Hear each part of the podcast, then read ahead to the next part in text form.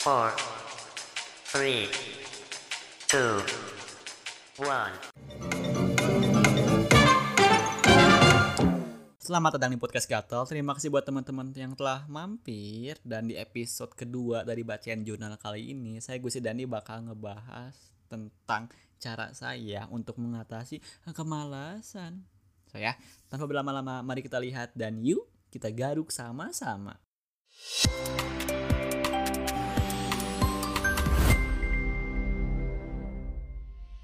Sebelum kita mulai, izinin saya buat ngebacain jurnalnya seperti biasa. Hmm, seperti biasa pada lama baru dua episode. Gini, saya nulis jurnal ini tanggal 27 Januari 2021, jam 20.53. Si Gusti ini nulis gini nih. Saya ngerasa senang karena baru habis buat video YouTube. Saya senang karena saya masih menang lawan rasa pengen nunda saya which is rasa malas.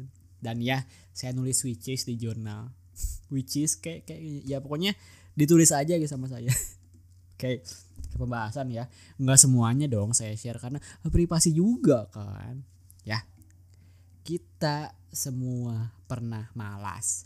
Dan mungkin ke depannya akan malas juga. Kita tuh sang penunda. Menunda hal yang sebenarnya bisa kita lakuin yang lebih produktif tapi kita lebih memilih nunda gitu. Nundanya kayak dengerin oh, podcast ini ngapain teman-teman ke sini? Udah. Jangan deh dengerin dulu ya. Gini e, contohnya saya. Saya ke hal yang remeh pun saya males. Masak nasi saya males. Beli makanan saya males. Nyuci saya males. Aneh kan? Dan lebay Padahal ya itu buat diri saya, maksudnya ya masak nasi, beli makanan buat saya. Kalau nggak dicuci ya bau dan kotor gitu nggak baik gitu loh. Itu hal kecil, hal kecil aja saya udah males kebayang dong hal gedenya gimana. Buat video YouTube ya tentu males. 5 menit lagi, 5 menit lagi. Sayangnya 5 menit itu nggak akan pernah datang karena saya nunda tadi gitu loh. Tapi apa ya saya tuh ngerasa kelakuan saya yang makin menjadi-jadi itu karena saya nggak dikejar oleh sesuatu which is deadline. Bagi saya channel YouTube saya ini sekarang nggak ada deadline-nya. Saya tahu diri video YouTube-nya nggak ngasilin uang belum ngasilin uang. Ya beda ceritanya kalau misalkan uh, YouTube saya udah ngasilin uang. Kalau misalkan saya nggak buat video YouTube ya saya nggak bisa makan gitu jadi ya saya santai-santai aja. Ini kayak kalau misalkan teman-teman nggak ngumpulin tugas ya teman-teman nggak dapat nilai. Tapi apa sih nilai? Orang yang udah lulus kan ngomongnya gitu apa? Ngapain sih sekolah? Ngapain sekolah? Padahal mah penting-penting juga. Ya. Jadi karena nggak dikejar-kejar tadi dan ke hal yang simpel aja saya males ya saya nundain jadi menjadi-jadi gitu loh. Uh, itu tuh ngebuat saya jadi nyaman di zona malas ini. Walaupun di zona malas ini saya juga nggak ngapa-ngapain nggak berbuat hal yang nggak ada value yang ada value nya tapi saya nyaman di sini. Saya mungkin hanya akan ngerasa bersalah kalau diam di zona ini ketika sesuatu hal terjadi yang buruk gitu yang ujung-ujungnya saya menyesal. Dan itu sebenarnya nggak baik nggak sehat. Masa sih saya harus nunggu hujan apa ya hujan dulu turun tapi saya nggak punya payung gitu. Gimana kalau misalkan hujannya hujan meteor coba? Saya sempat singgung kan kalau ngejurnal itu ajang buat ngerefleksiin diri saya yang bisa at least ngatasin rasa malas sampai sekarang itu karena ngejurnal ini misal tadi di awal saya bilang kan mengatasi rasa malas atau kelakuan nunda saya. Nah ngejurnal kan saya kayak melampiaskan apa yang saya pikirin. Hari ini gue ngapain aja. Nah kalau misalkan saya males saya nulis saya lagi males nih. Si Gusti nanti teh bakal nge-review nge-evaluasi nge-audit jurnalnya. Terus mikirkan lah kenapa pas itu gue nulis saya males ya terus kan dicari akarnya alasannya kenapa kenapa gue males kenapa gue bisa nunda. Dicari tuh gitu. Itu cara saya. Karena ngejurnal bagi saya kayak berdamai dengan diri sendiri aja. Saya nggak akan mention tentang apa penelitian research postingan blog-blog tertentu. Enggak karena yang saya bilang hanya yang saya alamin gitu tapi yang saya bilang juga pasti adalah di internet nggak mungkin nggak ada. Ini mah hasil ngomong saya sama diri saya sendiri aja. Tapi pasti ada di internet mah. Tapi ya percuma juga kalau misalkan teman-teman baca banyak baca tapi enggak dilakuin mah. Tapi ini bukan pembelaan juga supaya teman-teman nggak baca. Baca mah baca daripada scrolling Instagram terjebak oleh algoritma yang mengerikan itu. Ih. kayak yang senang banget ya saya keluar Instagram lanjut ya. Gini. Buat para pemalas ini kayak ngekotak-kotakin gak sih? Ini ada pemalas ini ada yang rajin ini ada pengkhianat ini ada yang setia kayak di kotak-kotakin gitu gak sih? Padahal mah ya kita semua pernah ngerasain malas lah. Jadi nih pokoknya kalau ya kalau yang lagi malas nih I do respect you all. I mean teman-teman bisa konsisten malas sampai saat ini by doing nothing. Teman-teman sadar nggak sih kayaknya teman-teman kalau lagi malas itu mindset teman-teman soal kemalasan itu kemalasan adalah sebuah kenikmatan malas itu nikmat Coba bayangin, diam aja, rebahan sambil nonton YouTube atau scrolling social media. Terus di samping ada coklat panas, apalagi rasa maca. Maksudnya coklat maca ya ya kayak gitulah pokoknya. Enak kan? Soalnya diam aja gitu ada di zona itu nikmat. Ini sama kayak orang yang lagi sedih. Sedih itu nikmat nangis gitu kan. Biasanya orang yang sedih ngerilis emosi yang negatif enak. Daripada move on dia lebih memilih sedih terus-terusan. Ditambahkan muter lagu sedih juga dengan alasan ini lagu gue banget penyanyinya bikin lagu buat gue. Padahal mah enggak kita aja yang lebay akhirnya dia terus-terusan berada di zona kesedihan itu ditambah apa ya ngebuat environmentnya supaya sedih juga. Maksudnya kayak tadi muter lagu yang sedih jadi makin meresapi daripada move on dia memilih berada di zona kesedihan. Apakah itu salah?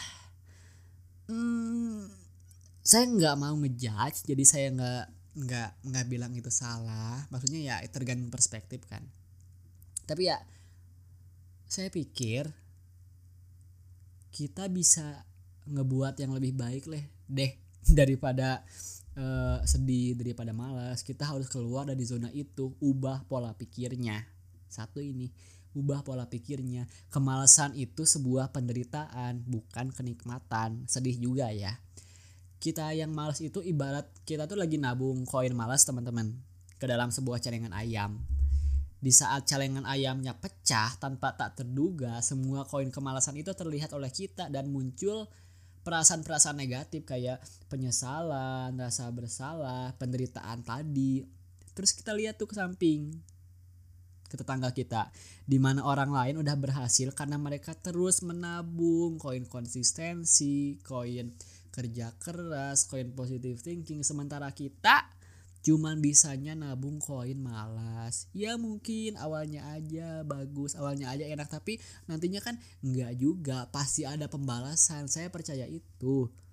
Tapi soal tadi ya saya bukan maksud saya hidup itu sebuah kompetisi. I know life is not a race karena setiap orang punya jalannya. Tapi masa sih rasa malas itu kan rasa yang negatif ya hal yang negatif masa sih teman-teman mau memelihara hal yang ngebaik gitu loh? Kan teman-teman baik. Baik kan? Baik nggak? Kecuali yang nggak baik. Tuh jadi satu itu kan ubah pola pikir. Uh, kemalasan itu penderitaan bukan kenikmatan. Ketika kita berada di zona malas karena nikmat tadi kita tuh hanya mikir jangka pendeknya aja sampai ada akibat yang datang bukan berarti main game scrolling Instagram itu nggak boleh tapi tapi perlakukanlah mereka sebagai hadiah. Hadiah gimana maksudnya? Maksudnya jadi ketika kamu berhasil produktif udah ngerjain tugasnya udah naklukin rasa malas itu ya bolehlah ngehibur diri sendiri mah dengan main game tadi scrolling Instagram tadi tapi jangan lama-lama once again only treat them as a gift. Perlakukannya perlakukanlah hanya sebagai hadiah. Karena kalau lama-lama teman-teman bakal terjebak di zona kenikmatan tadi zona kemalasan tadi yang enak tapi enaknya cuma sesaat jangka pendek aja. Kayak instant gratification dan akhirnya teman-teman nunda lagi males lagi buat ngelakuin hal-hal yang lebih ada value-nya buat teman-teman. Padahal teman-teman bisa gitu. Bukan bisa males ya bisa keluar dari zona itu. Kita yang males itu karena jujur kita lebay. Jujur aja kita lebay. Cerita saya tadi yang males cuman buat masak nasi dengan alasan males itu lebay. Maksudnya apa ya? Nggak ada salahnya. I mean masak nasi apa salahnya sih? Cuman ngabisin waktu 5 menit atau bahkan kurang kan nggak ngabisin waktu satu jam. Udah pas dijalanin juga ya biasa-biasa aja. Kita kita tuh terlalu ngasih pressure terlalu ngasih opini ke suatu hal sehingga faktanya jadi tersembunyi gitu loh. Kalau misalkan saya memasak nasi ya udah faktanya masak nasi aja nggak perlu ah malas nanti di kamar mandinya penuh ah malas nanti banyak harus harus apa ya banyak kotoran yang harus dipilah-pilah. Kita tuh terlalu mendramatisir suasana akhirnya lebay. Kayak kita olahraga ah males padahal kan baik buat kita. Kita tuh harus apa ya kita tuh harus uh, ngebreak apa sih? Mengalahkan. Kita tuh harus menghancurkan resisten yang menghalangi kita. Olahraga ya olahraga mau olahraga aja. Faktanya kita mau olahraga ya udah. Jalin aja faktanya. Lari mah lari aja. Naik sepeda naik sepeda aja. Angkat beban angkat beban ya angkat beban aja. Walau sulit. Ya angkat beban aja. Kita tuh terlalu banyak alasan. Hanya agar kita bisa tetap stay di zona malas yang nikmat tadi. Well sebenarnya bah bahkan kita nggak punya alasan buat males. Maksudnya gimana coba? Diajak sini, ah males. Apa coba alasan males? Ya males, tapi ya apa gitu loh. Butuh penjelasan. Buat hal baru, ah males ah. Padahal mah kita di zona malas ini juga nggak ngapa-ngapain, cuman diem aja tapi nggak mau berbuat hal yang baik nggak mau berbuat hal yang produktif teman-teman mikir nggak sih kalau misalkan ada hal baru gitu? Sebenarnya itu tuh peluang tapi teman-teman memilih males mungkin berapa banyak kesempatan yang teman-teman lewati gitu. Mungkin dulu tuh Tuhan tuh kayak ini nih uh, misalkan Tuhan ya ini nih uh, kamu dikasih peluang tapi kamu lebih memilih males akhirnya di skip. Tuhan masih sabar dikasih lagi nih. Tapi kamu skip dengan alasan malas tadi dan nunda tadi dan ah malas nggak ada alasan yang yang apa ya yang jelas gitu akhirnya nanti kamu menyesal dan itu nggak baik gitu. karena teman-teman bisa bisa sebenarnya we have to break the wall resistan itu harus yang kita hancurkan ingat bahwa ini bukan kejadian sekali. Dulu mungkin teman-teman pernah ngerasain hal yang sama dan bisa ngelewatinnya. Dan teman-teman baik-baik aja. Masa yang sekarang nggak bisa, dulu aja bisa. Kita tuh lebay karena melihat hal yang besarnya aja gitu loh. Ini yang ketiga ya. Yang pertama kan tadi ubah pola pikir.